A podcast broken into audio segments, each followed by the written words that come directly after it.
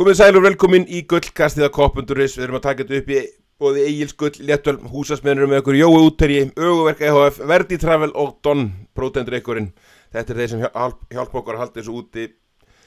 Leifupúl byrjar áriðið stórvel, Maggi og Steini þeir eru á sínust að komin áfram með byggarnum, það er undan úrsliti hinnum byggarnum núna framöndan og, og hérna, já, yeah, eins og segi, strókar, þetta byr, getur ekki byrjað mikið, mikið betur og, og bara er ekki að segja það, tímabilið hjá Leifupúl, þetta er bara onn. Þetta er, þetta er miklu meira svona 2021-2022 væpi yfir, yfir okkar munum. Algjörlega, þetta var, þetta var bara með dásamleiri helgum að því að menn sem að lustu á síðasta þátt voru áttuði sér alveg því að ég var kannski ekki alveg vissum það að við hefðum máttið að mannskapi það að hérna fara inn í þennan leik og hérna tek það bara á mig að hafa talið okkur líklega allir þetta út um byggjatum. Þannig að ég ætla bara að segja það bara hér hreint og klárt að þetta var bara á svona, já, bara eitt skemmtilegasta statement síðustu bara tekja ára eftir að við fórum á þetta svakalara en það fannst með þessi leikunum velkina algjört augnakonfekt og við höfum þetta að fara í gegnum hann og ótrúlega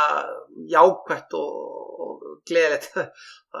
Að svona enda þarna þeir sem að fjölskylda mín, þegar ég var búin að alveg man, tala um það hérna þú voru að horfa með mér, já, já, þetta er nú leikur svona sem kannski ekki drosalega, skiptir ekki öllu máli en trillingurinn við Mark Lewis Díaz kannski afsannaði það að ég væri yfir, yfir því að þessi leiku væri bara svona venjulegur sundarsleikur, ég hef ekki oft tekið þess mikil gleði hopp eins og þegar Díaz klíntónum hann í, í næður og neð, það var dásamlega tilfinning og bara, bara frábært bara já, átlöki núna og bara er frábært held ég, við getum bara orðað þannig þó að svo ef við kemur alltaf í kjölfar einhvern neika fyrir eftir meðsli en bara geggjuhelgi, alveg geggjuhelgi Það er ekki komið að því næri strax við höldum okkur, höldum okkur á jákvæðanótunum og steini, ég held að þetta sé bara eitt í, eitt í stöðunni. Það er hérna, ég, sko, ég er eiginlega jafnvel meira ánæðar að vinna Arsenal heldur en að komast áfram í, í byggarnum og sérstaklega að slappa af hennan aukaleikar, þetta er klárlega gullstund og álega Það er eigin gullstund og fyrr hefði verið. En já, þetta var bara ótrúlega sætt, það var bara við erum inn í öllum keppnum. Við erum konir í undanásliti í deildabyggar, við erum komnir við fengum langarfiðasta leikin í, í fyrstu umferði í, í hérna, FA-byggarnum við erum komnir í, í 16. úrslitin í Europadeildinu og við sitjum á topnum í deildinu, ég meina ja. það er ekki hægt að skrifa ja. þetta upp á, á betri máta, það er bara algjörlega fráleitt að hugsa eitthvað annað. Já, þannig að bara láttu frá vendingar mínar í vetur sko, það er bara það algjörlega, bara, þetta er bara frábært sko og, þetta, maður hefur oft sagt með svona bara smá kýmni bara Liverpool 2.0 er, er, er ongoing process. En ég, bara eins og maður ekki segi það var enginn sem að gerði sér heldur í, held ég ykkur vonir með að við hvernig síðan tíambil var að við værim að, að keppa í, á öllum þessu vikstöðum það reyndar stutt síðan við vorum í þessum bransa síðast. Þá reyndar í meistaradildinni, núna í Európa-dildinni en bara ótrúlega gaman að horfa á hversu hratt þetta lið hefur náðu að spila sér saman og við erum enn og aftur alltaf að tala um það að þeir eiga nokkra gýra inni mm. við sáum reyndar nokkuð marga gýra hann á móti Newcastle sem var bara mjög ánægilegt en, en þeir eiga ennþá inni nokkra gýra þannig að þetta er bara ótrúlega gaman að fylgjast með þessu ég var svipar á maggi með það að ég fór inn í þennan FA Cup leik vitandi að við, erum, við varum komnir á þessum stadi og öllum hinnum keppnunum ég var fyrir að reyna að samfara sjálf á mig bara ok, þó við dettum út úr einum byggar núna á útivelli á Emirates, bara I so be it ég ætla ekki að fara að leggjast í þunglindir eftir við því. En heldur betur var ekki þunglindir það reyndar, þetta byrjaði ekkert mjög fallega, við förum betur í leikinu eftir en, en ég er alveg sammála makka, það var talsverður trillingur þarna fyrir hendi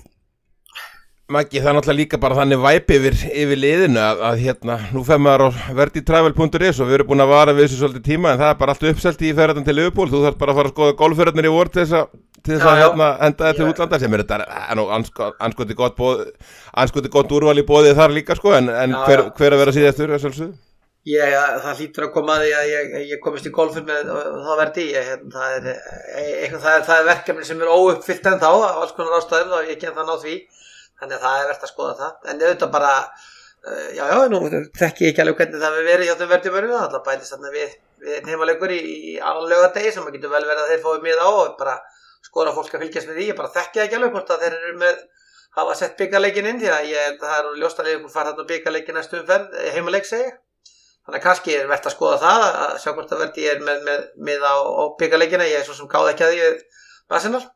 en golfferðindar hjá þeim ljóta að verða með allt sem þeir gera, þá gera það vel þannig að ég er samfélag um það er örgulega mjög upplugt uh, batteri sem, að, sem að heldur um, um, um golfið þeirra. Ekki spurning. Síðan á eftir að, dra síðan á eftir að draga í 16. úrslit í Európa-deldinni þannig að það Já, kemur eitt leikur. Ég, já, já, sjá, sjá til hvað verður því en, en ég myndi leggja til strákar golfferð í vor á Novo Santi Petri eða ég var ekki búin að bóka hana nú þegar hjá, á, á verði það er allt klárt. En það eru bara örfásæti lauðs eftir í hana þannig að þú hefur tekið greinilega mörg sætið hana Já, já, þetta, þetta klárast núna í vikunni. Steini minn, förum hjólum í hérna, hjólum aðeins í þennan Arsenal-leik bara til að byrja með og eins og segir þetta er náttúrulega ótrúlega- ótrúlega fyrst og fremst ógeðslega sterkur sigur úti gegn Arsenal, það eru tíu manns frá hjá Liverpool og margir af þeim okkar helstu, helstu líkilmenn og, og hérna og svona, þú veist, ansi skröðleg skröðleg byrjunlið ef þú eru skoðað, ef við talað um þetta byrjunlið sumar í útileika mútið Arsenal við höfum ekki, ekki beint verið björnsýnir en með svona hvernig tímabilið þróast þá var maður ekkert, ég, sko, var ekkert það var ekkert algjört svartnetti og ágætt kannski að farinni þennan leik með svona þú veist, ég held að félagið heilt hafi svona aðeins verið með þetta hugafara, þú veist, það er engin heimsendir eða við vinnum ekki og það, er, veist, það var engin ofur pressa á þessum leik, þetta er ekki eins og það hafi verið meistardeldaleikur en, en hérna af, af því sögðu þá náttúrulega veist, þessi, er, þessi byrjun er, er rosalega erfið og hún var það- veist, maður var lungu búin að gleyma hvort þessi leiku verið mikilvægur ekki þegar bara alveg svo maggir að tala um þegar að þegar að byrjaði, ég var ekkert sérstaklega upprifin með, með fyrirháleikin og, og svona holningun og liðin í heild, sko Nei, nei, og bara við byrjuðum þetta mjög slóð og móti kemur að Arsenal byrjuðu þetta bara mjög stert, þeir voru bara mjög ónitt strax á fyrstu mínútu og, og hérna spiluðu hratt og, og en flest þeirra færi komu bara út frá hérna einstaklingsmiðstökum hjá okkur þar sem við erum að tapa boltanum á mjög á slopp, svona slopp í máta á, á mjög vondu stöðum. Hann að við vorum ekkert að hjálpa okkur hérna í byrjun en síðan bara vöksu við bara inn í leikin eftir því sem líður á en við fyrstu mínúturnar, það var reyndar aðalega ein sókn, Alan Sjerir frændiðin, hann var var ekki gáðasta stikkið í bransanum sko, hann talaði um að Arsenal ætti að vera komnir þrem mörgum yfir en það var allt úr sömu sókninni, ég veit ekki alveg hvernig hann ætlaði að útfæra það að, að, hérna, þetta hefði getað skýrað þremu mörgum sama sóknin en hvað er það að við, við áttum alveg klálega undir högg að sækja og mér fannst óbóðslega gaman að sjá konati í þessum leik hvað, hvað yfirvöðunin hjá hann var mikil. Maður setti smá spurningamerki við það að sjá hann og, og kvansa þarna saman í miðri vördinu og, og þeir eru hvorir svona, maður hefur allavega ekki séð það svona utanfrá að þeir séu að stýra vörd mikið þessir tveir. Þannig að það hef- hefur alltaf þurft verðsir van dæk með, með munnin á sér að, að íta mönnum til og frá og segja mönnum til en mikið óbóðslega gerði þessi drengir þetta vel og, og eins illa og, og hérna Gómez byrjaði, hann tapaði boltanum hann einu sinni alveg hrikala illa en síðan bara steig hann ekki feilpúst allan leikin sama má segja með Mac, Mac Allister hann, hann var, maður sá það alveg á honum að hann var nýkominn tilbaka úr, úr meðslum, hann var bara hann var bara svona eh, framan af svona svipaður og þegar hann kom ósofinn beint úr flugur frá Suður Ameríku hann var bara ekki tengdur. En já, fyrir hálfleikur var sérstaklega fyrir svona fyrstu 30 mínúnar Gagbo var endar alveg týndur allanleikin fannst mér. Aðeins skánaði eftir að hann var settur framar á, á völlin en þetta var bara grænda út hennar hálfleik. Ég sagði nú að Aldarstein hérna hann var við liðin á mér að bara komast inn í hálfleik í, með jafna stöðu. Þá er allt orðið gjössanlega galopið þegar við erum að tala um útsláttar leik í FA Cup. Og það er bara koma daginn Hérna, Steini minn, sendu nú high five frá okkur Magga á, á hérna Átnastein, fyrst hann er á landinu það, ekki setna Já, hann fær út Ekki seinna 20. varnaði. hann er að fara aftur til Já. LA 20. þannig að ég slæ hann vel og eftir og fast hendur high five frá okkur en, en Maggi, sko, eftir allt þetta þá áttinu Liverpool það voru eiginlega ofnir að vera ekki yfir í hálfleik. Trend aftur búin að gera heiðilega tilum til að brjóta að slanna á markinu hjá, hjá Arsenal, gera þetta líka í leiknum um daginn á mótið, þannig að þetta var nágættis svona ágættis fóður inn í setnihálleikin og, og þessar, þessi taktiska breyting hjá, hjá Klopp í hálfleik fannst mér svona að gefa kannski snar lagaði lið, hólningun og liðinu í, í þessum leikum betur inn í setnihálleik og eins eins held ég að hann sé mögulega detta hann er nákvæmlega laust til allavega í þessu mánu með Díaz og Núnes á sikurum kantinum. Já, já, ég sko, sé sko, ég er saman að steina að Sérir er alltaf, Sérir er, hann er alveg ógæðslega lélugu punktið, ég hlustaði á lýsinguna hans á leiknum og hann er alltaf bara ótrúlega lélugur, en sko, við getum svo sem ekki litið fram með því að tölfræðin í hálfleik var 13 tilurinnir á mútið 2 og 61-39, þannig að þú veist þess að Klopp sagði eftir leik að Arsenal komunum og óvart með að þrýsta svona hátt upp menn. Þeir voru eiginlega að spila 4-2-4 sem var að kalla 4-2-2-2 þetta er alltaf einhverjum taktískar útvarslur sem þýtti doldi það að við vorum að lenda í rosalegu brasi við að koma boltanum bara á einhver, einhverja leikmenn. Þeir voru bara að pressa á fjórum bara, bara alla varnalínun okkar og ég frábær og þeir voru varnalega konoti og kvansa þá, þá voru við ákveðinu brasi við að, að tengja og mér fannst Gagpo og reyni allir þeir sem voru þetta fram bara lendi vandraði með það einhvern veginn að þeir þurftu að fara dýbra og, og Arsenal voru, þú veist, eftir 20 myndur þá var ég svona bara ok, við erum bara sem ég sagði á spjallin okkar, það er ekkit oft sem við vorum á þeim stað sem var, ég held að þá var þá var heldur 73-27 possession tala sem kom upp eftir 20 myndur og tala 9-0 í tilhörnum, hann er að tölfræðin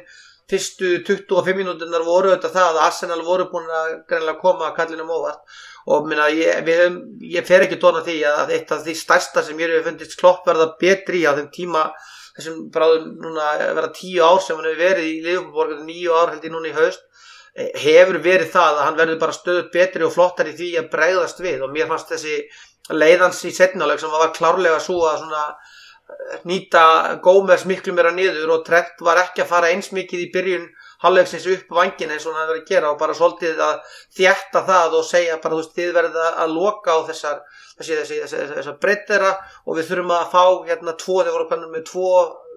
kortis og miklu aftari þannig að það var miklu einfaldar að koma upp. Þannig að sko til tölfræðinni setniháleik maður fór að skoða þegar ég er gaman að skoða tölfræði að þá er tölfræðin setnaleg fannig að minna, þá eru við, seldi ég að mannum hvort það var 59-48 allan endur possessionið 58-48 og við hefum 11 tilröndar á móti 6 og því ég satt nú í, í dag og var að skoða svona færin í leiknum og þó bara einhvern veginn fattar maður það ekki að minna, Díaz fyrir utan sláaskoti hjá Trent þá hefur við sláaskot og eh, sláaskalla hjá, hjá, hjá, hérna, Tjóta og dauðafæri sem að núnist færi úr því. Minna, markmaður er frábærlega frá Díaz þannig að við, við í setniháleik vorum einhvern veginn svona uh, sterkari og, og betri heldur við kannski tölum um. Þannig ég held að alveg akkurat verið málið að bæði þetta þvestarskot og svo náttúrulega bara þessi leið kallsins sem að mér, ég gaggrindan hérna í byrjun, svona fyrst með það að mér fannst hann eitthvað erfitt með að búa til plan B en það er alveg klárlega þetta þessu stóra og flotta sem að hann hefur einhvern veginn bætt við sig og, og hans teimi að, að vera óhrættir við það að, að, að hérna, skrúa stilla skrúurnar á ólíkan hátt og leikmenninni greinilega með ótrúlega trú á verkefninu. Það, það ég bara það er það sem ég finnst við vera að sjá alltaf meira og meira og vonin hjá manni einhvern veginn ekstráttir fullt af áföllin sem við kannski getum komið inn á með meðslið það, það er ekkit einfalt að koma inn með þetta 13-2 eh, einhvern veginn 60-40 possession og við erum búin að vera klárlega undir í spilinu. Að einhver, einhver svona tvík í leikkerfinu, menn getur klára það. Þetta er, veist, þú, þetta eru bara menn. Þetta er komin, þetta er, þetta er kort þú farið einhverjar tíu myndum með liðinu og vanalega reglan svo er nú að þjálfvarandi fara eitthvað saman, svo taka þér eitthvað kannski 5-7 mínútur til þess að herðu þetta er áslutið sem við viljum að breyta, við viljum að gera þetta svona svona svona og að því við verið að kalla eftir mentali monsters eða leiðtómin á vellinu, það er ekki bara trekt og þú veist, Sala á að vera einn af þeim. Endo er klárlega búin að vera að skila sér með svona ákveð þáttinn í hvernig við spilum, Van Dijk er fyrirlega liðsins, hann er ekki með. Þannig að mér fannst þú stræðis að Martins leiksing er svo gladur með það að menn kæmu út og tvíkuðu liðið svona frá því að vera bara í svona baskli út á vellinu vísvegar og vera í ákveðinu brasinu uppspil og svona að vera bara með þennan aga og standa þetta og svo þetta kemur breytingin þegar líður á leikin sem að svo vinnur hann sem að, sem að, sem að eins og Átni og Steini að vera að fara yfir í hellinum. Þegar það líður á leikin þá, þá, þá ertu með tækifæri til þess að búið til aðra breytingar sem hann gerir aftur og það er bara frábært. Þetta var bara svona að mínu viti þá er þessi leikur svona einhvern veginn veist, bara, þetta var svona litla raðfullnæðingar einhvern veginn eftir hann að fara í gegnum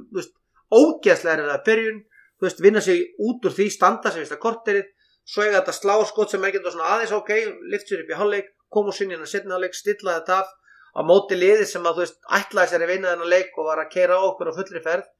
og gera það við þessum hætti sem við gerðum í rauninni fá ekki heldur á okkur mikil færi eftir eitt núlstöðu með þetta. Og þetta var gjössalega geggja, algjörlega geggja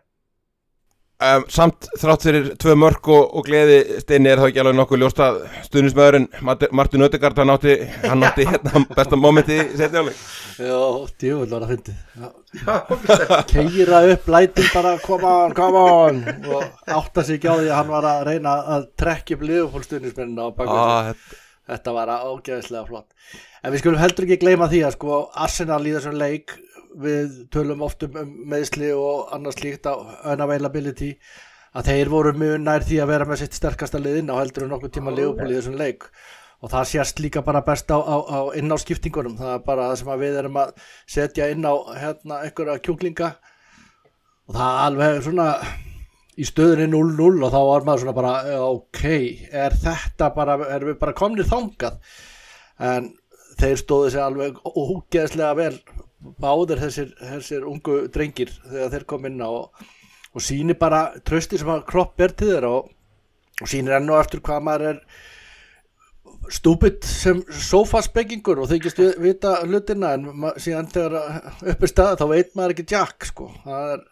svolítið þannig en þetta var Þetta, þetta steginni getur samt breykað hópins all, allverulega að fá til dæmis bralliðin og jafnvel klarkutu þeir eru búin að tala og tala núna á bladamannafundi dag og þeir eru ekkert backupleik þeir eru bara partur á hópnum og, og hérna, það er búin að tala um Bobby Clark svona heil lengi að, að hérna, þetta sé alvöru efni og þannig ég held að sé bara átjánar en þá sko, þannig að höldum alveg herstana en geggjuð innkoma sko. Algjörlega. Já, og, Conor Bradley væri pottjart búin að spila hellinga mínútum í, á, á þessari leiktið ef hann hefði ekki meðstanna á undirbúinustímpilin það er bara algjörlega ljóst. Þú, þið sjáu bara hvaða tröst er bera til hans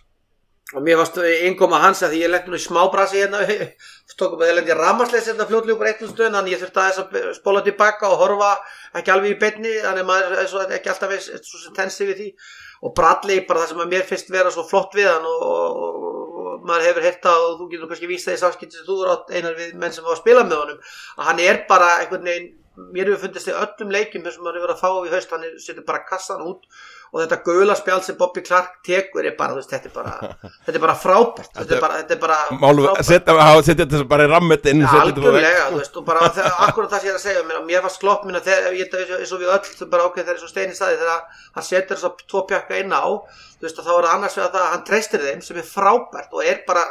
mér er alveg sama, þú veist, auðvitað hefur málið segja það Peppa svona núna aðeins þegar skuttla einhverju ungum mönnum í en þetta er auðvitað hans sérstaðans klopp sem hann hefur fram yfir bara, ekkert bara sko, aðra stjóra heldur bara líka bara í, í nútíma sögunni bara hjá Liverpool, minna, það er bara þannig að minna, leikmannir með ungu, ungu menn sem hafa verið að fá að spila hjá honum er náttúrulega, það bætist endalust við og þegar vorum með annan á, á bekknum sem hann segist alltaf að spila í vettur sem er þessi Najóni sem hefur náttúrulega verið að þvílíkt að stela senun í ungleikaliðinu að þú veist að hann gerir þetta þú veist auðvitað veit hann það líka að þetta er ákveðið gambúl. Hann ætlaði ekki fara í jættefli ég er alveg, það er alveg klart mál hann ætlaði bara að fara fulla ferði í aðra hver áttina og vitandi það að ungir menn geta gert ákveðin mistök. Það gekk þetta bara fullkomlega upp og fyrir þessa tvo peia að því að ég held að það alveg ljóst mála allavega Conor Bradley er næstu 2-3 vikurnar að fara að fá meiri mínútur. Það er alveg Bradley alveg, alveg pottitt leikin á morgun og væntalega já, væntalega bormúðleikin og byggjarleikin á móti Norrölds eða Björnstór Róes og vonandi sjáum við einhvern er að koma inn eftir það sem að, hvort þetta væri Robbo sem að góma skemmti hlut síðan eða bara trend tilbaka að það verður bara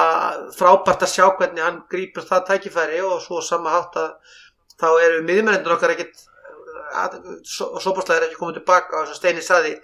ég er ekkit vissum það var eigi að byrja eftir á morgun þannig að þessi strákar þarna sem að voru að setja að koma þarna inn á uh, eiga alveg klárlega að geta farið í gegnum, gegnum uh, sko einhverja vinnu. Á móti kannski að því ég kannski svaraði ekki á þannig þá held ég að þessi, þessi uppstilling í lokin uh, á, á framlínun okkar sé mögulega svo sem við sjáum svolítið núna að Núnes farið fyrir ykkur út á kant og Díaz síndi það sko heldurbutur sem við steina við kalla eftir í síðasta þætti að, að hérna,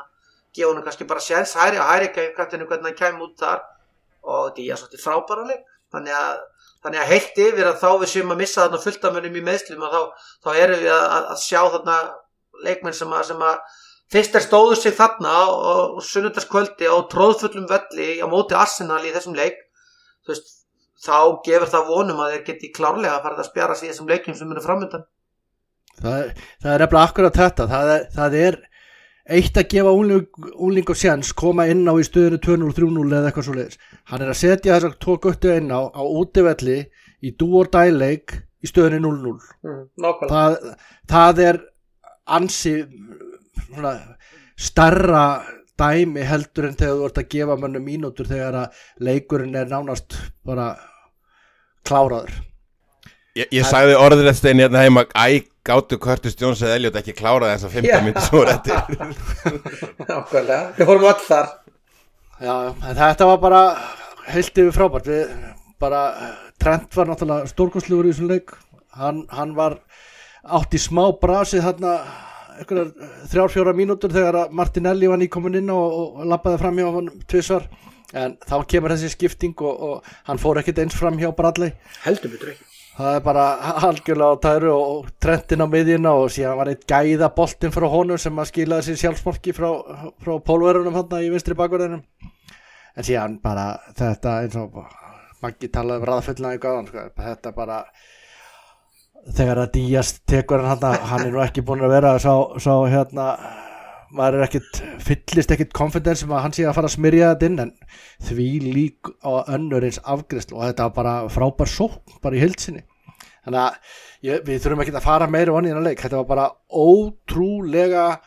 þetta er ekki bara stór sigur að við séum komin áfram, heldur bara stór sigur svona mentali, bara hvernig þetta var gert, hvers, hversu vel menn heldu út hérna árásunnað sem voru í byrjun og hvernig menn svona execútuðu síðan leikin svona út leiktíman það var bara algjör unaðar að horfa á þetta. Ekki verið rétt í blálógina því að minna, ég er algjörlega sammála því að Konati var frábær og gekk, gekk á undan. En ég ætla bara að halda áfram að tala um þennan Gauð sem spilaði með Bristol Rovers eitthvað tónleiki fyrra sko, veist, hvert hann í komin hann Jarl Kwanza er bara veist, já, hvað, hvað Konati var bestur ég er sammála því. Og maður leiksist með trend fannst mér en, en þú veist yfir vegunni sem er einhvern veginn dottin í þetta strák kvikindi sem að Joey Barton var að kenna fókbólsta í, í, í sko april síðast ári finnst mér algjörlega magnað og bara einhvern veginn að maður sé bara, bara alveg rólegur yfir því í, í dag að menn sé ekki að fara að köpa hafsend bara fyrir tvei mánuði með bara mér finnst það bara svo magnað sko. Og bara það að, að yfirvegunin í þessu hafsendabari sem að öruglega var leitt af Konati en hann virkar einhvern veginn ámann þessi strákur en svo sé ólíkur til dæmis Rís okkar Williams og Nat Phillips þeirri spiluð þarna verðist þessi guður alveg sko pollslagur á boltanum þegar hann er meðan og híkar ekki við að sko taka á sér skelli þegar það er starf þannig að veist þetta hafsendapar þarna bara sitturinn bara, bara það er bara ótrúlega geggjað að sjá þetta bara vera raunggerast að þessi von sem að var svona einhvern veginn að kvikni hún er bara veist bara að snýta þarna þeir voru að snýta saman liðið sem á að vera eitt af tveimur, þreimur bestu þannig að það er bara það er bara algjörlega magna með það sem við verðum að gangi gegnum síðust ári í hafsendaða brassinu sko. Já, líka gaman að þessu leika það voru held í tíu akademíu leikmenni af og 20 manna hópi í þessum, í þessum leik og stór, stóru leikurum og það er sannlega auðvitað meðsli, meðsli og fjárvisti sem að, hérna er ástæði fyrir því að ykkur leiti en enga síður tíu, tíu og Leopold vinnu 2-0 útíðalli Eh, að því sögðu þú aðeins búin að stökka yfir, yfir það en það er náttúrulega, það er náttúrulega í bóði sko, fagmaður húsmiðunar og það er 60% alltaf 60% afsláttur útsala og alltaf, alltaf gerast. Það er superútsala sálsögðu janúar, janúar útsalan og, og hérna Steini, ég er að spája að hafa opn, hafa opn í velun fyrir það sem að fær núna fær fagmanninni að, að þessu sinni og það, það, eftir svona leiki þá kom alltaf nokkur til greina og, og, og Kvansa til dæmis, hans innkoma eins með Bradley og Clark, þetta er alveg klárlega eh, tilefni fyrir honorable mention en, en svona eh, er, er ekki hvað, tveir eða þrýr sem að standa, standa upp og sem eru, eru að fara í húsmiðuna? Jó, sko, það, valið rauninni stendur á milli Trent, Konati og, og Díaz í mínum huga. Og mér finnst Trent alveg geggjaður það aðeins, aðeins tekur hann niður hann þegar það var lappað fram hjá honum í tvígang að því að það var rauninni aldrei Konati í þessum leik og Díaz var svona rólugur framan af en Konati alveg allan leikin var bara eins og klettur hann í vördinu bara það var svo og aftur, aftur á mótið þeim hann var líka maður leysins sem mótið Já. þeim síðast sko. þetta, þetta, er, þetta er bara önun að horfa á hann að þetta skuli vera hérna, meðvörðu sem er hvað er hann 22, 23 ára þetta er, þetta er algjört monster þessi drengur en við erum líka svolítið að velja hana því að við, við, ég veit það og ég er búin að heyra það frá örugum heimildum. Ég hitti náttúrulega Konati hérna í lok síðast tímabils. Að op, opnin hans er ónýndur heima. Þannig að Við ætlum að henda á hann ein, einum Electrolux hérna, svörtum opni, hann er á rosalegri, hann það er 60 skrona afsláttur á hann núna fyrir, fyrir almenna borgara. En við ætlum að henda einu svona Electrolux opni, 71 lítra opni á Konati að því ég veit að hann, hann er að brasa þess með opnin heima hjá sér. Konati Þetta er á þetta alveg þetta virkilega skil, því líkur nagli sko. algjörlega. Bara, og bara, bara breytingin alltaf núna er verið í vetur 7-9-13, ég ætla að hún ég ekki dingsa það. Er það að hann verðist nú vera þeir verðast vera búin að ná átt að sér betur á því hvað líka maður stræður við. Þannig að bara ég held að það sé líka ákveðið þroskamerki sem hann hefur auðvitað verið að lenda í kall langina fyrst árunum og vonandi er þetta bara ekki það að ég hefði núna gefið honum eitthvað kiss of, kiss of death that things við bara ætlum ekki að trúa það því það þetta skiptir mjög mjög máli að, að bara eins og við munum með Gerrard sem að var frábær en var doldið að dett út að maður hefur alltaf haft einhvern veginn trú á þessum strák en, en meðslasagan hans hefur svolítið gett maður hrættan en bæði hann og Gómez hafa núna verið að ná að, að virkilega að fá að stíga inn í það að vera í einhverju þessu liði og það er auðvitað bara, bara aftur sokkar sem maður getur að hafa einhvern veginn afskjáð á einhverjum tíapunkti og bara ótrúlega magnað að, að, að, að þetta, það, þetta sé að ganga þetta vel fyrir hann núna sem að svona að maður hafði alltaf vonum að hann myndi stíga upp og hann er heldur betur að gera það síðustu vikur. Ég ætla að ráðlega Já. að ekki að nota gráða ástasósu með sokkunum því að hann að borða svolítið aðeins þetta Já, það fyrir að fitta mjög vel saman sérstaklega þú ert ekki búin að þóða á já, ég, er ætla ekki að segja að þú eigi það skilið alveg strax með Konati hann er búin að spila minna en 50% af leikjörnum Já, í já. deltinni, ég vil fá hann yfir það og vel yfir það áður en við fyrir að Það er, bara, það er bara of lítið, það er ennþá of lítið fyrir þetta mikilvægan leikmann og, og, og það eru að passa sí- sko. eru bara að passa hann líka Já, já, en þetta sín, sýnir líka einhverju leiti eh, veist, hvað hó, hópurinn er tæpur búin að vera mikil meðsli eða eins og segja, hvort sem þau þurfi að passa hann eða, eða ekki, þá er hann ekki búin að spila nema helmingina deltaleikjum og ykkur af þessu leikjum hafa verið að fara á til dæmis og kvansa sem er, þú veist, þetta er jákvæð þróun og allt það, en, en þetta, er, þetta, þetta er það mikil gæði, þessi, þessi strákur er að byrja í franska landsliðin og undan Salíba og ég veit ekki hvað ég er búin að heyra marga uh, slefa yfir, yfir Salíba undanfærin tvö tímabil, það var, var, var augljós munur á þeim í þessum, þessum leik allavega Svo var ég aðeins að skoða líka, ég er þetta spenntu fyrir að sjá núnest hann á, á vinstri kantunum, ég held að ég held að geti alveg fundið sig aðeins betur þar í, í sm- smá tíma, kannski til frambúðar en, en hérna allavega meðan við leysum þessa, þessa sala, sala fjárvist en, en sko, ég voru að skoða til dæmis XG, hérna tölfræðina varandi Núnes, hún er bara svona hálf hlægileg hann skuldar, hann skuldar rúmlega 6 mörg í XG og það er eitthvað sem að ég hef ennþá held fullum fettum að hann muni, muni breyta þó allavega laga stórlega, hann er að hann er að skapa færi bara flest færin í deildinni eða fá, hvort sem hann er að fá eða, eða koma sér í eða hvernig sem þú tólkað, hann er líka að leggja upp ágætlega. Hann er búin að skjóta átta sinnum, nei fimm sinnum í, í, í treverkið á þessu tímpili, bara í deildalegjum Trent Alexander Arnold, hann er í öðru sæti yfir, yfir þrísverf, þess að tveir leikmennir Liverpool er á þessu tímpili búin að skjóta átta sinnum í treverkið sem sýnir okkur kannski eitthvað smá hvað við eigum inni og hann er líka núna að kemur engum ávart, hann er oftast allra deildinni búin að vera rángstæðar, þetta er strákur þegar hann, þegar hann nær þessu nær þessum takti eitthvað aðeins betur og vonandi gerist það núna með hann er til dæmis heil ný miðja á bakveðan sem að kannski fer eitthvað að læra betur þeir fara að læra betur en að kvotana þá hef ég ennþá trúa því að þetta er strákur sem við eigum inni og, og vonandi nú strax eftir ánarmót en akkurat á hinn hin, hin vangan steini við förum alveg hinn að leiðin til að klára hennar leik. Brutu við, erum við búin að brjóta þetta Arsenal æfintýri Arteta? Hennar, það er eitt sigur í síðustu sjö leikjum og, og Ég, þú veist, ef maður skoðar hópin til dæmis af þeim yfir spila mínur bæði deildarleikjum og í mestaradeild og, og meira sér núna í þessum FA-köpleika, þú veist, hann er ekkert að dreifa hópnum nærrið eins mikið að ég held eins og til dæmis klopp og þeir bara virka svolítið eins og gerist á síðastimbilið virka bara alveg, svo veist, svona allavega smá þreyttir, ég, ég myndi ekki ég myndi ekki horfa á Arsenal lið og segja, herru, vá, þeir eiga því litt inni, sko, Nei. það ég ekki síðustu tvo leiki, sko Ég er alveg saman á því sko. Þeir, þeir, hérna, og sérst og meiri sér framan af tímabili þegar allir voru óþreyttir og það fannst mér þeir ekki vera samfærandi þannig að ég eins skemmtir og, og þetta lið getur verið á, á sínum góða degi og þeir eru nokkuð margir góða dagarnir og þá, þá er svona eitthvað mentality issue hjá þeim og það sást vel síðasta, síðasta vetur þegar það hrundi bara gjössanlega allt þegar þeir voru búin að eiga stórkostlegt tímabil framan af og missa síðan eitt mann út Saliba og, og það bara gjör svona hrinur allt í kjölfarið. Þannig að það er Ég, ég held að, ég held að það hafi, það hafi ymmit alls ekkit bara hrunið út af því þó að það hafi hist á sama tíma. Hann, bara svona þróunin vera það, það er sér að vísi núna. Já, þó já. að Saliba haldist heilla þetta sé svipu trajektori svona allavega eins og þið geta alveg snúið, ég er ekki að segja það en það er svona viðvöruna bjöllur allavega. Ja, algjörlega og bara þeirra, þeirra svona sterkustu menn mér fannst að Öðegard vera þeirra langt besti maður í þessum leik en, svona sóknar óknin hjá þeim í Saka og, og, og, og hvað var þið ekki með Reis Nels, Nelson hann á, á vinstri kantinum? Mér finnst bara, mér finnst þeir ekki vera nógu svona sannfærandi eh, þegar það kemur að því að klára hlutina. Þó að Mart- Martin Öðegard sé að eh, dreifa spilinu og, svona leikstýra þessu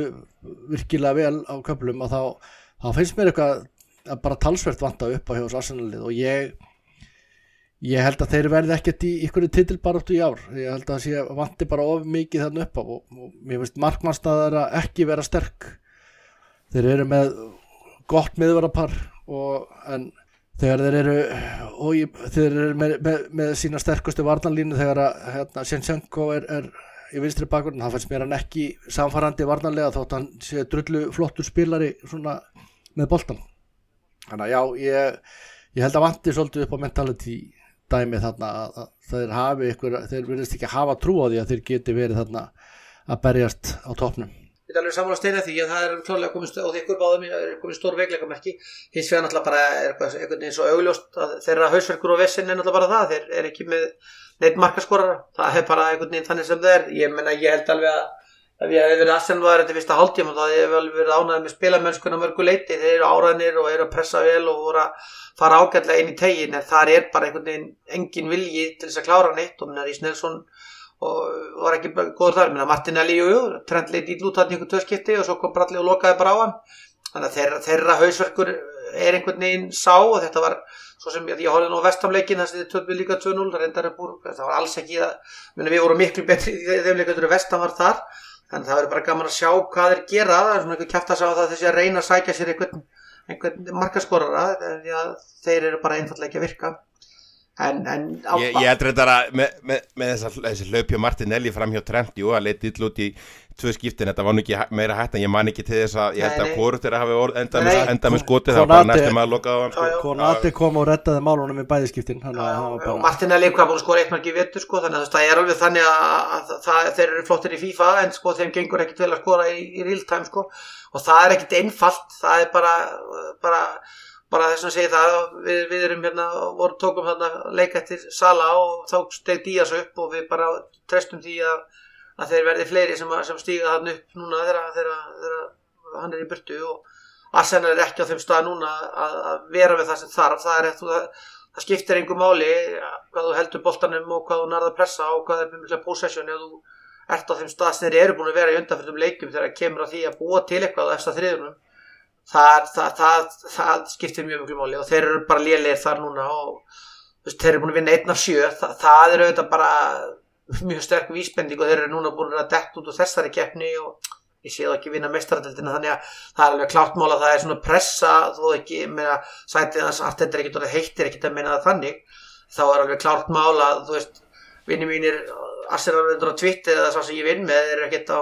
það er ekkit sama glottuð og brosið núna eins og var fyrir mánuðu síðan og, og, og svona veist,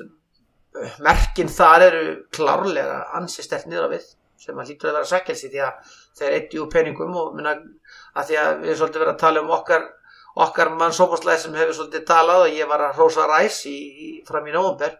hann er náttúrulega ekki múin að merkilegt mót síðustu sex sekundar sko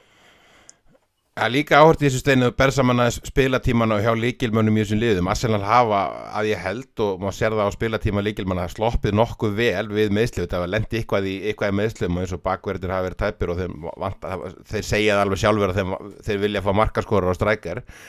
En, en hérna Saliba, Declan Rice, Saka, Ödegard, Ben White þessi strákar er, er að spila mest í assinleginni, ég held að það hefði líka verið að spila megni að mestrættiðarleikjunum og náttúrulega eins og ég segi þessum FF-köp ég, ég man ekki hvað ég gerir dildabíkarni, ég held að það farið snemm út leik, úr leik þar líka. Hjá Liverpool eru þessi leikmenn er þetta Alisson, Trent, Van Dijk Uh, Andy Robertson, Robertson búin að spila 40% stímlu hérna Sobotlæ, þetta eru strákandi sem búin að spila mest með Sala, Sala líka. Þeir eru nánast í allir kvildir í öllum hinnum leikjónum nema bara einhverjum undantekningatilvökum eins, eins og í þessum leik. Og við, það til dæmis bara í næstu umferði byggarnum uh, býst bara ekki við og vonar að, að flesti þessum kom ekki við sögu eina mínútur sko Ég meina það er svolítið munur eins og í Arsenal og það eru tíu leikmenn þar sem eru búin að spila 65% eða meira af mínútum uh, það sem af er. Þeir eru fimm hjá Liverpool sem hafa, hafa náð því þannig að það segir sér svolítið sjálft að það Arsenal er búin að vera að keira á, á samanliðinu og eru búin að vera hefnum viðslu. Þetta er þarna Gabriel Jesus sem, að, sem er búin að vera meittur Timber sem hefur var kiftur sem veit, maður veit ekkit um því að hann er, hefur náttúrulega ekkert spila í þessari deildi en þá og Tommy Jatsu það var, var, var svona stóra alvöru, alvöru blóið, alveg klálega þú veist, við getum borðið það saman bara mati pjó okkur þá til dæmi sko já, já. en ég meina, þeir eru búin að vera hefnir svona almennt síðan með, með meðsli hjá sér og, og, og í þokkabóta er hann búin að vera nota bara rosalega mikið sömu leikmennina sem er ekki ekki hjá okkur. Við erum, við erum, það eru frekka fáir leikmenn sem eru búin að vera að spila svona mikið, þannig að eins og ég segi það eru fimm leikmenn hjá okkur sem hafa að spila 65% eða meira af, af, af mínútonum svo far, þannig að dreifingin er miklu meiri. Ansi margi líka þeim sem hafa ekki verið að spila yfir 50% sem við eigum mikið til inni. Og Gravenbergs og Endo komum bara rétt í restina tímabölinu, Tiago og Bæjit er ekki búin að spila eina eina mínut í deildinni og, og hann er kloppi klárlega og finnst manni verið að finna holninguna og finna liðið betur og betur þannig að það er mjög spennandi tímanuna framöndan eftir áramót og eitt af því maki, það er næsta umferð í byggarnum og þú talar um Joey Barton, erum við ekki lausið við það helviti skerpi fyrir saman hvað gerist í þessum í, næsta leik, er ekki búið að rekka hann og nánast því úr fókbólta bara þetta? Já, náttúrulega aðalið því að ég var stífið í hvað konur er ekki að fá að tala um fókbólta sem er náttúrulega Doldi magnað sko. Það er svolítið fyndið og hræstnútið það er akkurat hann sem ætti ekki að tala mikið meira Það er gössamlega algjörlega sammála þar það er bara þannig. Já sko við, við náttúrulega erum bara að fara að fara ég veit ekki alveg það, það, það glemdi einhver eh, sko reglunum það að liðbúli ekki fá mikið heima, heima leikjum í byggarnum og hvað þá mútið liðum og nöridelt þannig að kúlurnar þarna á sitt í að liðbúl ruggluðist eitthvað. Við áttum auðvitað að vera að fara að spila Ég, ég held maður ekki að það er er dreigið aftur Já, ég, ég, ég sammála því, ég er bara þetta lítur að vera eitthvað skvítið en, en það er þetta alveg þannig að, að hann var reikið núna í oktober eh, frá Bristol Rovers og ég held svo sem að ég sé að alveg gerast að, Bristol Rovers eh, slái Norvíts út. Því að Norvíts er náttúrulega bæði brasi í, í, í næstastu deild og er, er að setja klárlega Uh, stefnu og það fara upp úr þerri delt uh, og, og þurfa og, og voru, ég horfði aðeins fór aðeins að skoða leikskísla því ég er svo klikkar að hafa gaman stundum að þessum næri deltabólta að þá voru klálega Norvits ekki að leggja aðaliðið sitt inn í leikinu um helgina meðan að Bristol Rovers voru að gera það. Þannig að nú að fá Bristol Rovers heimaleikir í play og ég sé það alveg gerast að þeir, þeir taki, taki þann leik alveg og við fáum, fáum eh, Bristol Rovers heimsóknu aðfjöld, ég vona líka að því að við erum komið með nýjan penna sem hefur sérstakar áhuga að skrifa um, um, um hérna FA-byggarinn og vill, eh, var einmitt að vonast eftir Maidstone sem einmitt komist áfram í umferðinni og, og spila, spila leik aftur. Uh, en, en, en hérna Bristol Rovers á Anfield væri bara flott að fá og ég bara hvort þegar þeir eru Bristol Rovers að Norwich þá er þetta bara flott máli í ljósi alls. Við erum auðvitað með menni meðslum og við erum þarna vantarlega ennþá með menn í, í landslegunum þannig að fá heimaleika móti liður í neðri deilt sem við gerum gröfu á að við vinnum er bara, bara flott lending og af því að við vitum það að janúar getur alveg verið heilmikið álag að þá er bara gott mála að geta klárlega verið að rótira þess liðin í þennan leik þarna sem að er, er leikur, helgarleikur fyrir, fyrir erfiðan deildaleik við Chelsea. Þannig að þetta var, þetta var líka fínt að ljósið þess hvað okkur vantar að mannskap að, þarna eigum við klárlega að geta hort á leikmenn komin og fá mínútur sem að kannski er ekki einmitt að fara að starta þá leika á miðugundi á mútið Chelsea. Okkar maður Ívar Einars, hann fyrir betur yfir þetta þegar samankvort liðið að verða, það, það leikurinn er 17. janúar hjá þessum liðin fór 1-1 1-1 fyrir leikurinn en, en hérna, hann, hann var í Norröld sá, Karurót Já, sá leikur, þannig að- lík vonliðið þeir að heima leik Já, og, ég og vonandi bara klára, já ég ætla að tippa það, vonandi ég, klára, ég heldur að verið þar. klára, klára þeir það en, en hérna Steini nú er komið að loka stundinni og úrslita stundinni hjá, okkar manni Hauki og, og félögum í auguverk EHF það er náttúrulega það loka, loka staðin í, í hérna í auguverk liði aldarinnar strækjarinn frammi og ég, hérna, ég var nú svona aðeins að undirbúa, undirbúa mig fyrir, fyrir þáttun og það er nú alveg þetta er ekki eins og, og sömarstuður í þessu liði sem er alveg sjálfvalið, það kom alveg nokkur til greina í, í þar hérna og sérstaklega þarna. Eða hvað Þetta er lang, lang, lang erfiðasta staðan að fylla, það er bara þannig, það eru svona stæðstu stjörnunar frá árinu 2000 svona, er, flestar stóra stjörnur eru, eru að berjast um þessa stöðu, það er kannski einn og tveir og þrýr og maks fjórir um, um hverja af hinnum en þarna er bara svo mikið úrval, ég meina við erum að, við erum að tala um Alan Shearer, eh, Dennis Bergkamp, Harry Kane, Wayne Rooney, Luis Suárez, Aguero, Torres, Van Persie, Drogba, Owen, Wardy, Van Nistelrooy, Firmino, Fowler, Berbatov, Hasselbank, Sola, þetta er bara, og Holland, þetta er alveg endalus listi sko. Þannig að þetta er svo far lang erfiðasta hérna dæmið. Ég var, ég var búinn að hérna næla mig niður á svona 5 til að velja úr. Ég setti þá í sér hóp uh, Harry Kane, Wayne Rooney uh, Luis Suárez uh, Aguero og, og Alan Shearer. Þetta var svona mitt, mín fimm pikk út úr þessum lista. Og síðan þarf að þarf að þrengja þetta niður í tvo síðan niður í einn þannig að þetta er erfitt val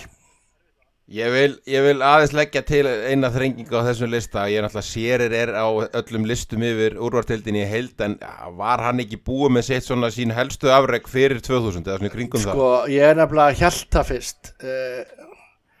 2000 2001 skorar hann bara 7 mörg úr 23 leikjum. Síðan skorar hann 27, síðan 25 síðan 28, 19 og 14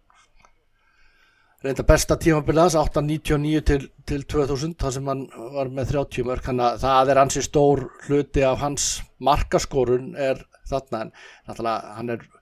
bestur langt bestur þegar hann er hér Blackburn þegar þeir eru verða meistarar þannig að en, jó, ég, hann hann er alveg svona borderline að komast hann inn út af því að hversu stóra hluti af hans ferli var, var fyrir 2000 Já, ég er svolítið sammála steini þessum. Þetta er, þetta er mjög erfitt. Mér finnst reyndar já, mikill, mikill Liverpool maður og ég nú er þá um, finnst mér við vera fannar að seilast hans í langt ef við ætlum að fara að tala um Suárez vinn okkar í, í sömu andra og hann hinn nöfnin sem að Steini talaði um eins og Kane, Rooney og, og, og Aguero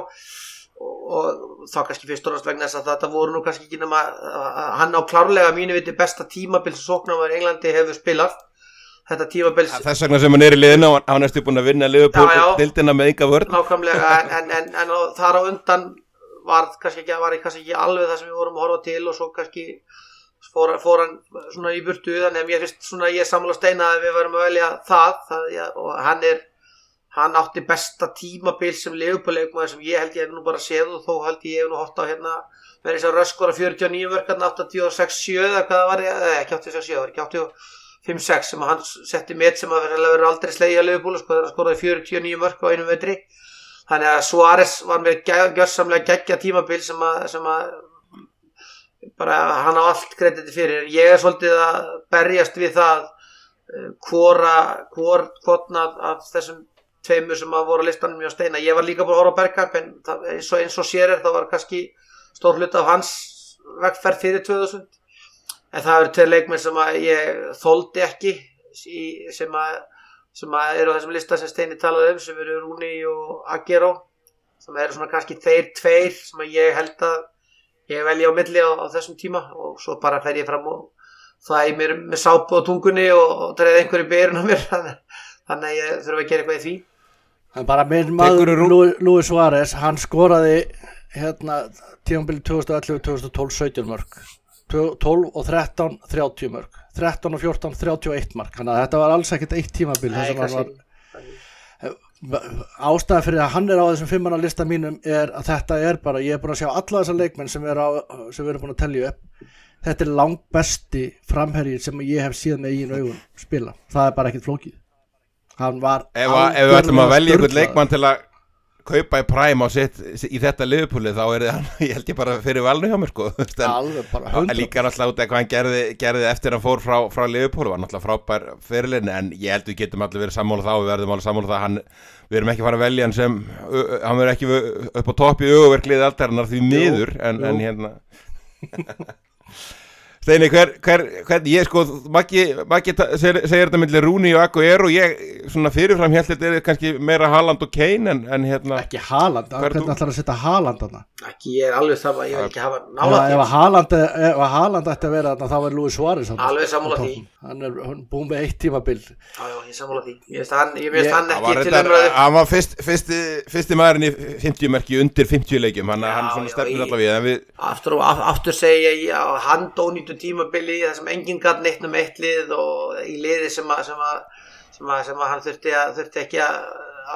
gera neitt um að bara bóta boltanum í markið. Þannig ég sammála steini því hann var ekki hann var ekki í mínum huga sko. Það voru þessi nöfnarna ég, fjögur og svo var það alveg á þeim lista en ég, ég svolítið og Kane einhvern veginn ég bara það, ég, hann er svo mikið hann er svo mikið. Ó, ég veit ekki alveg hvernig orða það. Hann er, svo, bara eitthvað, hann er bara eitthvað svo ég get ekki að nota neinn lýsingur og þannig að ég gæti ekki haft hann upp á toppnum hann í mínu liði.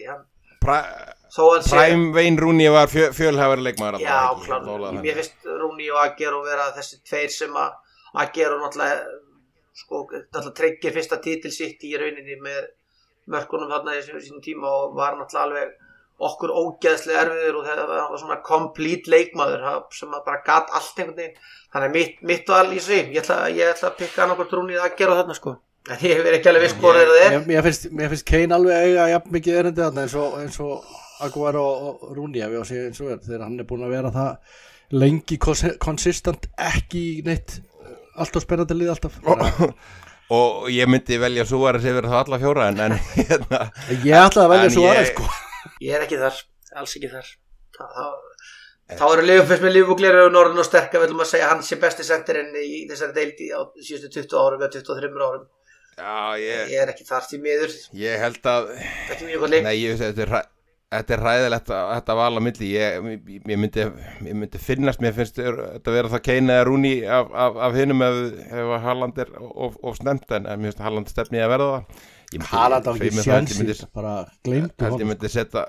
held ég myndi setja Rúni í frekar og Haaland var náttúrulega klárlega síðan sé að verða þetta á, á næstu, næstu árum sko en, en hérna. Þannig að það er, en ég á. það er statement Wayne er three way varst þú með Rúni líka? ég sagði Rooney það að ekki hræðilegt. en það er Rooney að það sem við erum að enda á. Það er með mjög lítilli samfæringu sem ég segi Rúni hérna. Ég veit að Márvinnuðin sem ég hitt í dag hann verður, hann verður svektur að við hefum sett United mann í liðið. Hann var, var, var, tóndi, var sagðist að býja eftir að heyra frá þeir það vildi ekki að fá að skipta sér auðverkliðinu hann er að hérna. Hann Þannig að ég, veit, við, ég byrja hann afsökunar því að við séum að setja United mann í þetta lið okkar. byð hann enga veginn afsökunar þetta er fáviti hann veit ekki neitt. Ég ég byrja mig afsökunar líka. Já, já ég gera það en miklu eigum við ekki þá að setja svo orðins í varaliði fyrir steina því ég minna, ég minna, ég veit, ég, þessu sé, ég, ég, já bara leifum að Ager og bara vera á þeim stæðin, ekki það, veist, Ager og, þetta er rosalegt val, þarna, þarna gætum við alveg klárlega verið með einhver, í rauninni einhver Yes. tíu nöfn og við getum alveg talað um það, þannig að þessi, það segir En ég skal, ég skal, ég skal kvitt upp á það að út frá bara svona uh, bara svona heildstæðum ferli í deildinni að Wayne Rooney hafi þetta en í mínum huga er það bara engin spurning að Luis Suárez er besti framherjir sem hefur spilað í þessari deild síðan ég byrjaði að fylgjast fara á völlin kvitt upp á þetta bara heilsugar Svo er þessi í varaliðinu. ekki. Já, ég upp á þessi, þessi rauk og eins og segja, ef hann eitt, tvö tímabilið búið þá hefði hann verið ofan á hjá mér en, en Rúni á þetta svona Svo að góða, ég bara, að því við, ég ætla aðeins líka að fá að vera pínu pyrra, sko, Luis Suárez er náttúrulega bara douchebag, sko, og hans framkoma sem Barcelona leikmann á móti Liverpool tók nú svolítið mikið út úr mínum allavega huga sko. Að bara, bara hvernig hann leti fyrir leiknum og hvernig hann, hann var á sínum stað bara hefur hún líka svolítið svona einhvern veginn pínlítið svert kollin á mér og hvernig hann hefur látið er í, Bras, í Brasilíu og á þessum stöðum að minna En, en Maggi, ef þú ætlar að ef þú ætlar að velja út af því þá er ég ekki heldur að velja Rúni eða, Kane sko. bara ekki, ekki, ekki glæta sko. En nei, nei, þetta er þetta var, svo, þetta er líka svo staða sem er kannski búið að breytast það mest og, og, og mikilvægi orðið minna, núna er, er Sala og við náttúrulega settum við náttúrulega settum Týri Enri á, á vinstri kantin hann er Akkurat. langbesti strækjarinn sem er búin að vera í þessar deild og, og mögulega ef við hugsa þetta fyrir, betur fram í tíma þá hefur kannski eitthvað en, en, það er alltaf fullkomlega galið svo ég segi það nú bara með minn mann Ronaldo að við séum ekki eins og með hann í varaliðun okkar eða okkur það er ekki með í liðun okkar er, er Hann var- náttúrulega á, einhverjum hann stað var sko við líður við líður fínt með það að hann, ekki Rúni Já, ég, ég hef möttu við þess komina og ef við erum að horfa á það að, að þá er hann búinn að spila frá því að hann fór frá Englandi í nýjunni og er búinn að skora flest mörg í Európu sko já. sömu, sömu rögg fyrir honum ekki í þessu byrjunliðinu svo, svo er bara hann var og gerði ekki nóg, gerði ekki nóg. Uh, aðeins í hérna hættum okkur aðeins í Jóa útterja steini og bara hættum, að við- gera Við þurfum að, að, að sko, fara yfir. Nú er allt liðið komið. Við hefum bara eftir að velja tö- Er- tö- tökum það næst og tökum, tökum það næst og allt, förum við liðið heilt þá og klárum þetta, lúkum þessu þar. En setjum punktin, punktin hér og, og hérna og eins og ég segist henni, förum bókstælaði og ótærja, það er það, nú er ekki setna vatna, 30% af, af hérna, æfingafatnaði og fótboltarklóm hérna, öll- öllum hérna Liverpool æfingafatnaði og, og, og náttúrulega eh, útsala í heildir það ekki, ég, ég veit að þú varst þarna inni, inni í gæri Það er bara útsala bara komplekt á, á, á öllum skóm og æfingafatnaði og, og þar á meðal er, er Liverpool æfingafatnaðurinn. Þetta er alltaf 30% afslætti þannig að ef ekki núna, hvenar þá? Þetta er alveg geggjuverð og, og ógeðslega flottir þessir búningar og síðan ég þekki það bara betur í reynslu að það er aldrei of mikið af fótboltaskóm til þegar, að, þegar að þessir guttar eða, eða stelpur eru í, já, eru í æfa fótbolta fullu það, þetta er þetta spænir svoleiðist upp þannig að það er um að gera að fara núna og, og nýta tækifærið og, og sem 30% afstandi þetta er ekkit eins og eins og hérna í sumum á þessum fatabúðum þar sem að þetta er 5-70% og það eru tvær vörur á 70% afslætti. Það er bara á 30% afslætti allur æfingafatnaðurinn farið í útærja útsölu þar. Maggi, við, við, hérna, við spáum ekki til leikmannumarkanum við skoðum það betur næstu viku. Það er ekkert að frétta. Tímo Werner er farið til tóttunum og það er nánast í bara það og, og hérna mestafall eitthvað lánstengt hjá liðbúl það er gjörsamlega ekkert að frétta og ég held að við séum svona fara út úr loka hann allavega, allavega svona fyrri hálfleik í janúarmánar, það mögulega glæðist eitthvað í setju hlutunum en, en hérna kannski aðeins árum fyrir mér fúlhamleik að, að hérna er ekki, er ekki svona tilöfni til að senda smá respekt og þú ert náttúrulega e, sá eina okkur sem sást hann spila live hérna Frans Beckenbauer, hann fjall frá í vikunni og, og hérna, ég, ég, ég sá einhvers staðar lýsing á hann sem að, sem að ef þú ferð að hugsa út eða það er henni rétt og, og svolítið magna, þetta er nú líklega frægasti frægasti þjóðverðin allavega svona síðan 1945 Já, ég, meðast, ég veit ekki hvort þið sáðu kveðjuna sem að klopp setti. Og þetta er nú svolítið það sem ég að þetta, þetta er nú svolítið það sem maður heyrir þjóðverjar eru nú svona ekkit, ekkit alltaf tilfinningaríkt fólk og hérna kona mín alltaf var þarna tölverð mikið að vinna á í skóla þannig ég er svona spjallað við þjóðverja og er, þetta er svona þetta er svolítið safinningaták þessi, þessi einstaklingur, því að hann var náttúrulega það er ekkit margir sem að búa við það að vera kallað og algjörlega óumdeldur sigur eða reyla frá því hann stígur inn á fótboltavöll og vinnur allt sem hægt er að vinna eh, landsliði, félagsliði sem leikmaður, stjóri, þjálfari, eigandi og bara og, og einhvern veginn á öllum þeim réttu forsendum sem maður vil sjá og, og hérna ég hef svo sem hef fleiri einn klopp sem hafa hitt bekningaður akkur að tala um það að, að hans ára og hans svona uh, já, hans bara hvernig, hann- hvernig hann svona leit á sjálfar sig og, og, og svona og auðmjúkur og, og bara í öllum samskiptum ekkert nema eðalmenni þá var náttúrulega bara bara að votta honum virðingu. Að hérna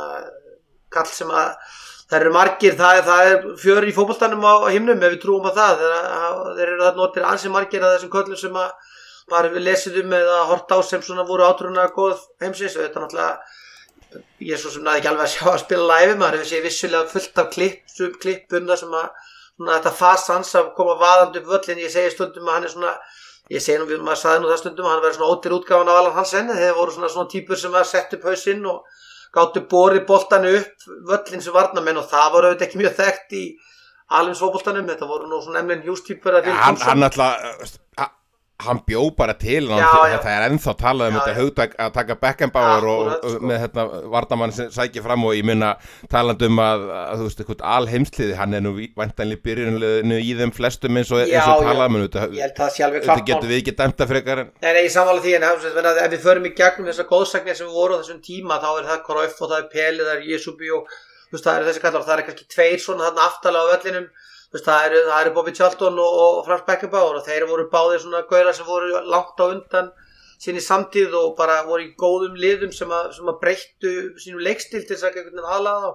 þannig að það er bara full ástæðlis að votta keisarannum Frans Beckenbauer verðingu sína og ef það skoðar að þýsk, þýsku meilan í dag þá eru náttúrulega bara það eru undirlagðar bara, bara heilsýður og mennur það eru allir á ammans einhvern veginn að koma að segja sögur af, af honum þannig að það er klárlega sorgadagur hjá fókbaltaheiminum og sérstaklega þíska fókbaltaheiminum Ég gerði, ég gerði uppbytun fyrir bæja munn hérna, hérna um árið og ég man eftir að við vorum að var þar að lesa til um, um, um Beckenbauer og það er líka, Beckenbauer er svo stór í þíska landsliðinu, heimsmeistari Evropamestari og heimsmeistari sem þjálfari og var, var yfir knæspundinssambandinu, hann stjórnaði öllu þegar þjóðveri voru með HM og að hann mætti á sko 90% leikjónum til dæmis og séðum frangan þeirra, það rann alltaf mótið alveg gjössalega smúðlettli en hann hann er það sem er svo vannmyndið steini að hann er sko í rauninni maðurinn á bakvið nútíma bæjar, hann var í 1860 munn hér, lendi í einhverju aðkasti þar, var, var slegin utan sem krakki og það er svona allavega einhver þjóðsæði kringu það hann að fari 14 ára og fór til bæjarn og var náttúrulega lang bestur þar, þú veist, þegar hann fór þá var 1860 munn hér stóra liði í, í borginu og hefur síðan og hann náttúrulega var allt í öllu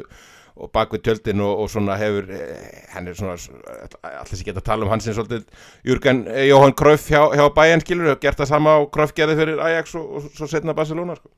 Jú, það er ekki spurning þetta er, er mikil stór karakter og, og hérna, setti bara margt sitt á fólkváldarsöguna bæði bæjumenn hérna hjá Þískalandi og bara í Európu og heiminum hann að það er bara hann á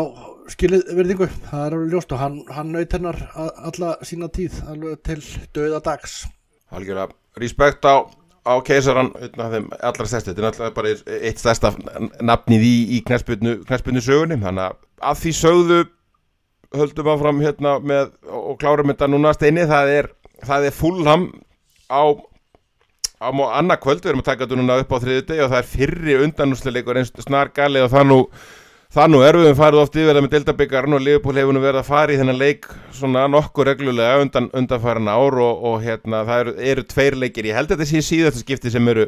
tveir leikir, þannig að ég geti alveg, ég geti lofað eitthvað því að Liverpool fer ekki í undanúslit í Delta-byggarnu næstu svona 8 árin, það var nú alveg dæmigert en, en hérna það sem mann alltaf er ágefni fyrir þennan leik er að Fulham er alltaf klárlega að fara með sitt besta lið og, og hérna taka þessa keppni alltaf mjög alvarlega, þetta er bara alvöru tækifæri fyrir þá og ég held að miðslalistin eða fjárvæstirnar hjá Liverpool sé núna komin í, í 11, Trent fó núna var núna með miðslinn hnénu ég er svona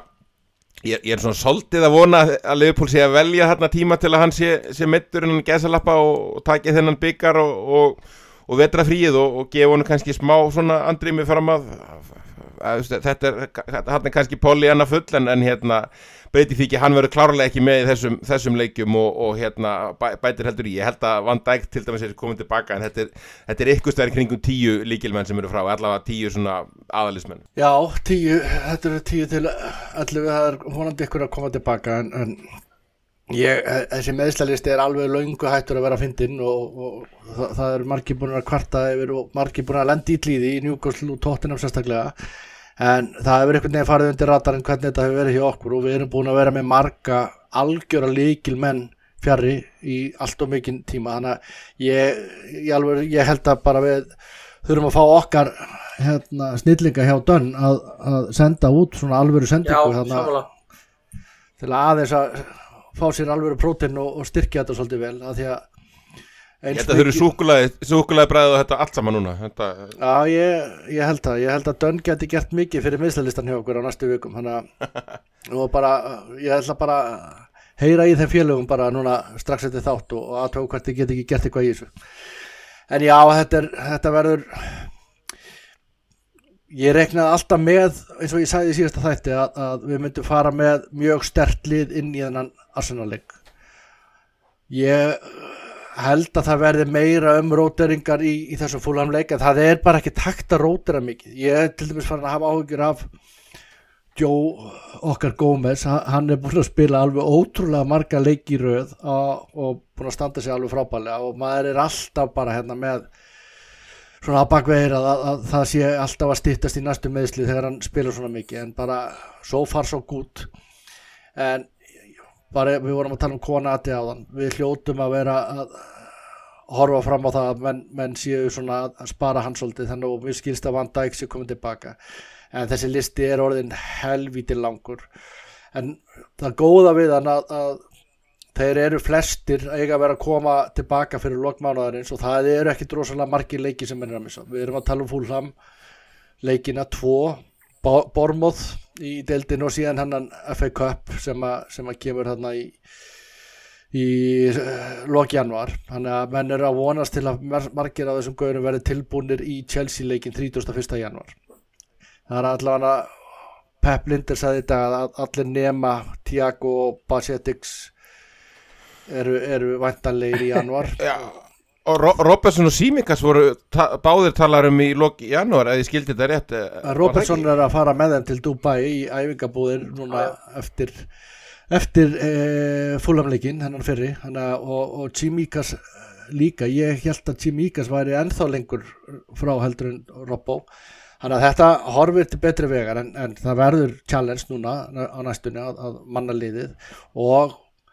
þess vegna er svo mikilvægt að hafa náða og vera búin að breyka hópin þetta mikið. Og ég á alveg alg, algjörlega vona því að við eigum að sjá eftir að sjá Conor Bradley mjög líklega að starta. Ég, ég held að við, ég held að ég er sammála steini því ég held að þetta verði akkurat eitthvað svona uppstilling þarna alltaf að Konati kalli náttúrulega með, það sem að heyrði þá var þetta bakbras á Kvensa mögulega að fara að stoppa hann. Ég held að við sjáum Owen Beck fá, fá þessar mínútur. Ég held að, ég held að svo staðarind sem að verist er alveg klart mála bæði Celtic og Rangers hafi bóðið bara upphæðir í hann þegar hann var tekinn tilbaka á láni döndi þá komið þessi til langbæstu liðis koskabóltanum og vildu bara kaupa Owen Beck sem hefur átt þetta fína tíðupil hjá döndi og ég held að, ég held að Gómez sko verði settur inn í pínu bómull þarna því að það er auðvitað annar leikur eftir. Það menn fara þarna í pásu og auðvitað ætlum við ekki að tapa fyrir leiknum mútið fúla menn ef, ef, við, við erum með þess að tvo sjensa á því þannig að ég held að við munum sjá þarna þess að tvo ungu bakverði spila eh, þennan leika á, á, á morgun. Við sjáum Conor Bradley, ég er alveg samfarið um það að hann fái fá núna þessa, þessa byrjun og, og bara bara vil sjá hann, ég vil bara fái mínútur, það er bara þannig. Og ég held að við eigum eftir að sjá Owen Beck á morgun fá, fá þennan leik og sjá hvað verður. Því það verður svona vera einhvern veginn slúrið mjög stert um það að, því reglurnar það er að þú megin spila bara með tveimur liðum að það getur vel verið að Owen Beck verði bara látin spila þessa leiki núna í janúar sem eru þá mögulega þessi fúlamleikir og leikurinn við þá Norrætsjaða Bristol Rovers. Til þess að svona leysa, leysa þetta bras sem er á bakverðum okkar sem yngan ekki með slittre en að öðru leiti séum við að sjá svolítið stertlið þannig ég ætla að tippa það að það verði bakverðinir þannig að verði unglingandi báðir. Og góð með sem við verði já, já, mögulega það er ekkit brasa á bakverðinu okkar maki ég, hérna, ég kannaði aðeins aðeins okkar mann í Bolton sem mann alltaf spilaði með Conor Bradley að síðast tímabili bara hérna hvernig tilfinningin væri fyrir þessu strák og, og þú veist Það er eins og, eins og hefur verið talað um hann, alltaf gaman að heyra það svo sem frá þeim, ég, þetta færi jóndað ekki að, að drull yfir, yfir leikmannin en ég menn hann spilaði hjá það mikla 40 leikið síðast tíumbil og hann sagði þetta er 19 ára pjakkur sem spilaði eins og verið 30 og, og var svona algjör, veist, var svona alveg hugur í honum og, og hérna alltaf hljóp alveg er, er í lendlisli upp, upp niður vangin það er alltaf eitthvað sem er mjög spennandi fyrir, fyrir liðupulið, þetta eru að sjá hvort, hann, hvort þetta, þú veist, haldi á þessu úrústöldarlefili hann er að gera þetta allavega 19 ára lík von og, og hérna er mjög, mjög spennandi mjög mikið talað um þennan strák upp alla yngri flokku áður hann kom til Liverpool og líka þá hann sé góður á boltana þú veist við kannski gerum okkur ekki vandugur um að þessi nýr trend að koma sem tekur hægri bakvarstöðun og leysir hann á miðju en ég, ég get alveg ímynda með það að ef hann fer núna í, í byrjunlið að hann að, að Leopold sé ekki fara að breyta leikherun brjálað, brjálað mikið að hann, hann verði áfram annarkor bakkurinn og þá held ég mjög klála að verði Bralli í, í því tilviki, hann hefur náttúrulega verið að láta Gómez gera, ég held að Bralli sé miklu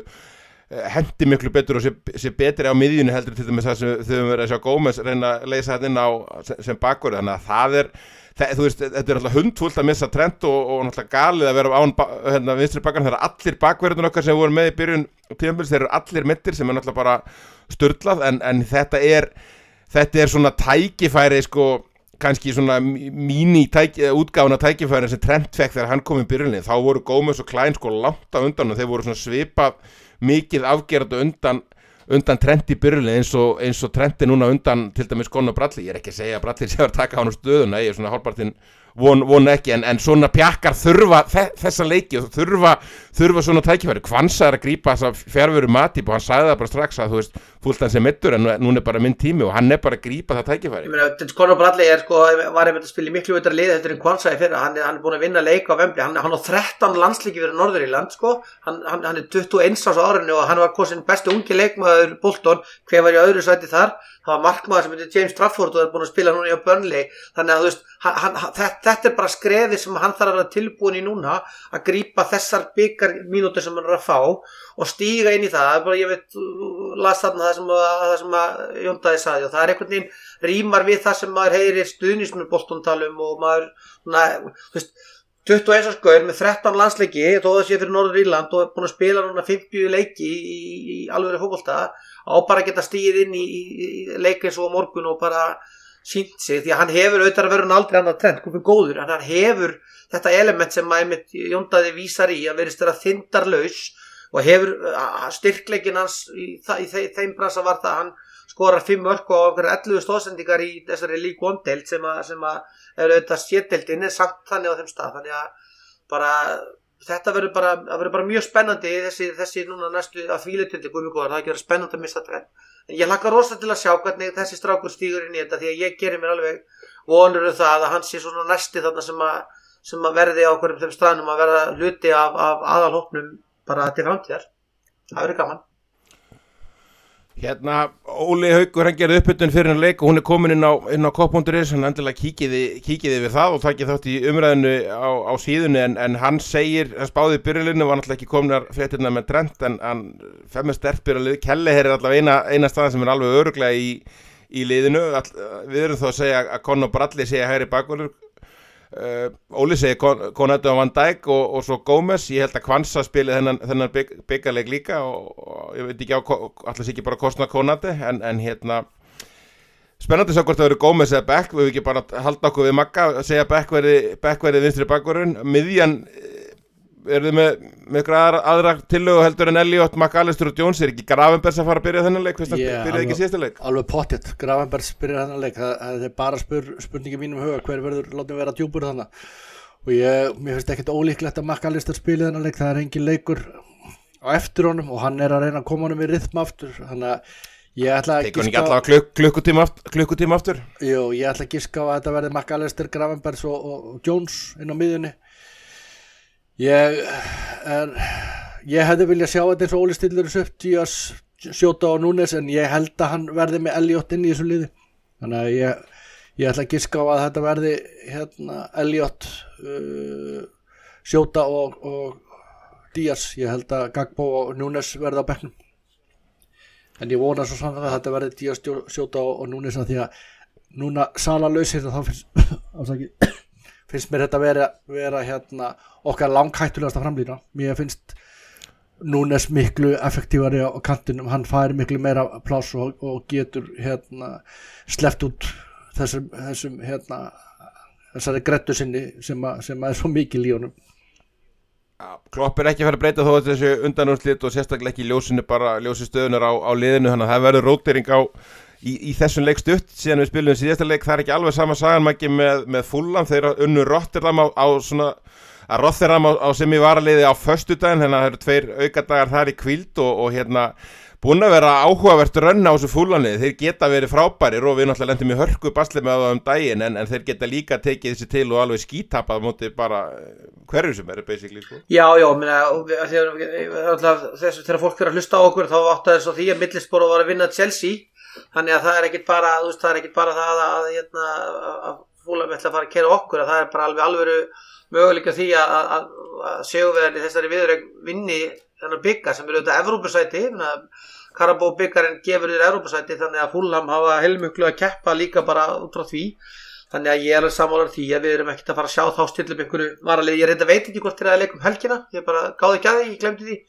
þannig að, veist, að það er auðvitað hjá okkur kannski að tvíleitunum til, þá getur við, getur við kannski að horta á það að menn geta kannski klára bensína og þeir fara til, til Östurlanda í svona æfingaferð og afslöpun, ég styrst að fjölskyldunum er sem fá að fara með. Þannig að, að því leiturinn til kannski þá, þá held ég að Steini saði að til ekki verði kannski svo að það verði pínu sterkara lið og það verður bekkur verður þannig að mann geti hendt inn á einhverju til þess að gera eitthvað. Þannig að ég held að þetta verður bara hörku skemmtileg leikur, þetta er undanúsla leikur og það er dásamlegt að fara í, á Wembley og, og spila um byggar, það er bara það sem þeir hafa allir talað um í vettur og hefur verið klárlega partur af einhverju mönduru og eins og við sögum á hann að vera inn í öllum keppnum með þá er bara ótrúlega þróskandi og býr til lið. Þannig að ég held að það væri mikil vonbreiði fyrir Leifupól að, klára ekki þess að við erum með fullham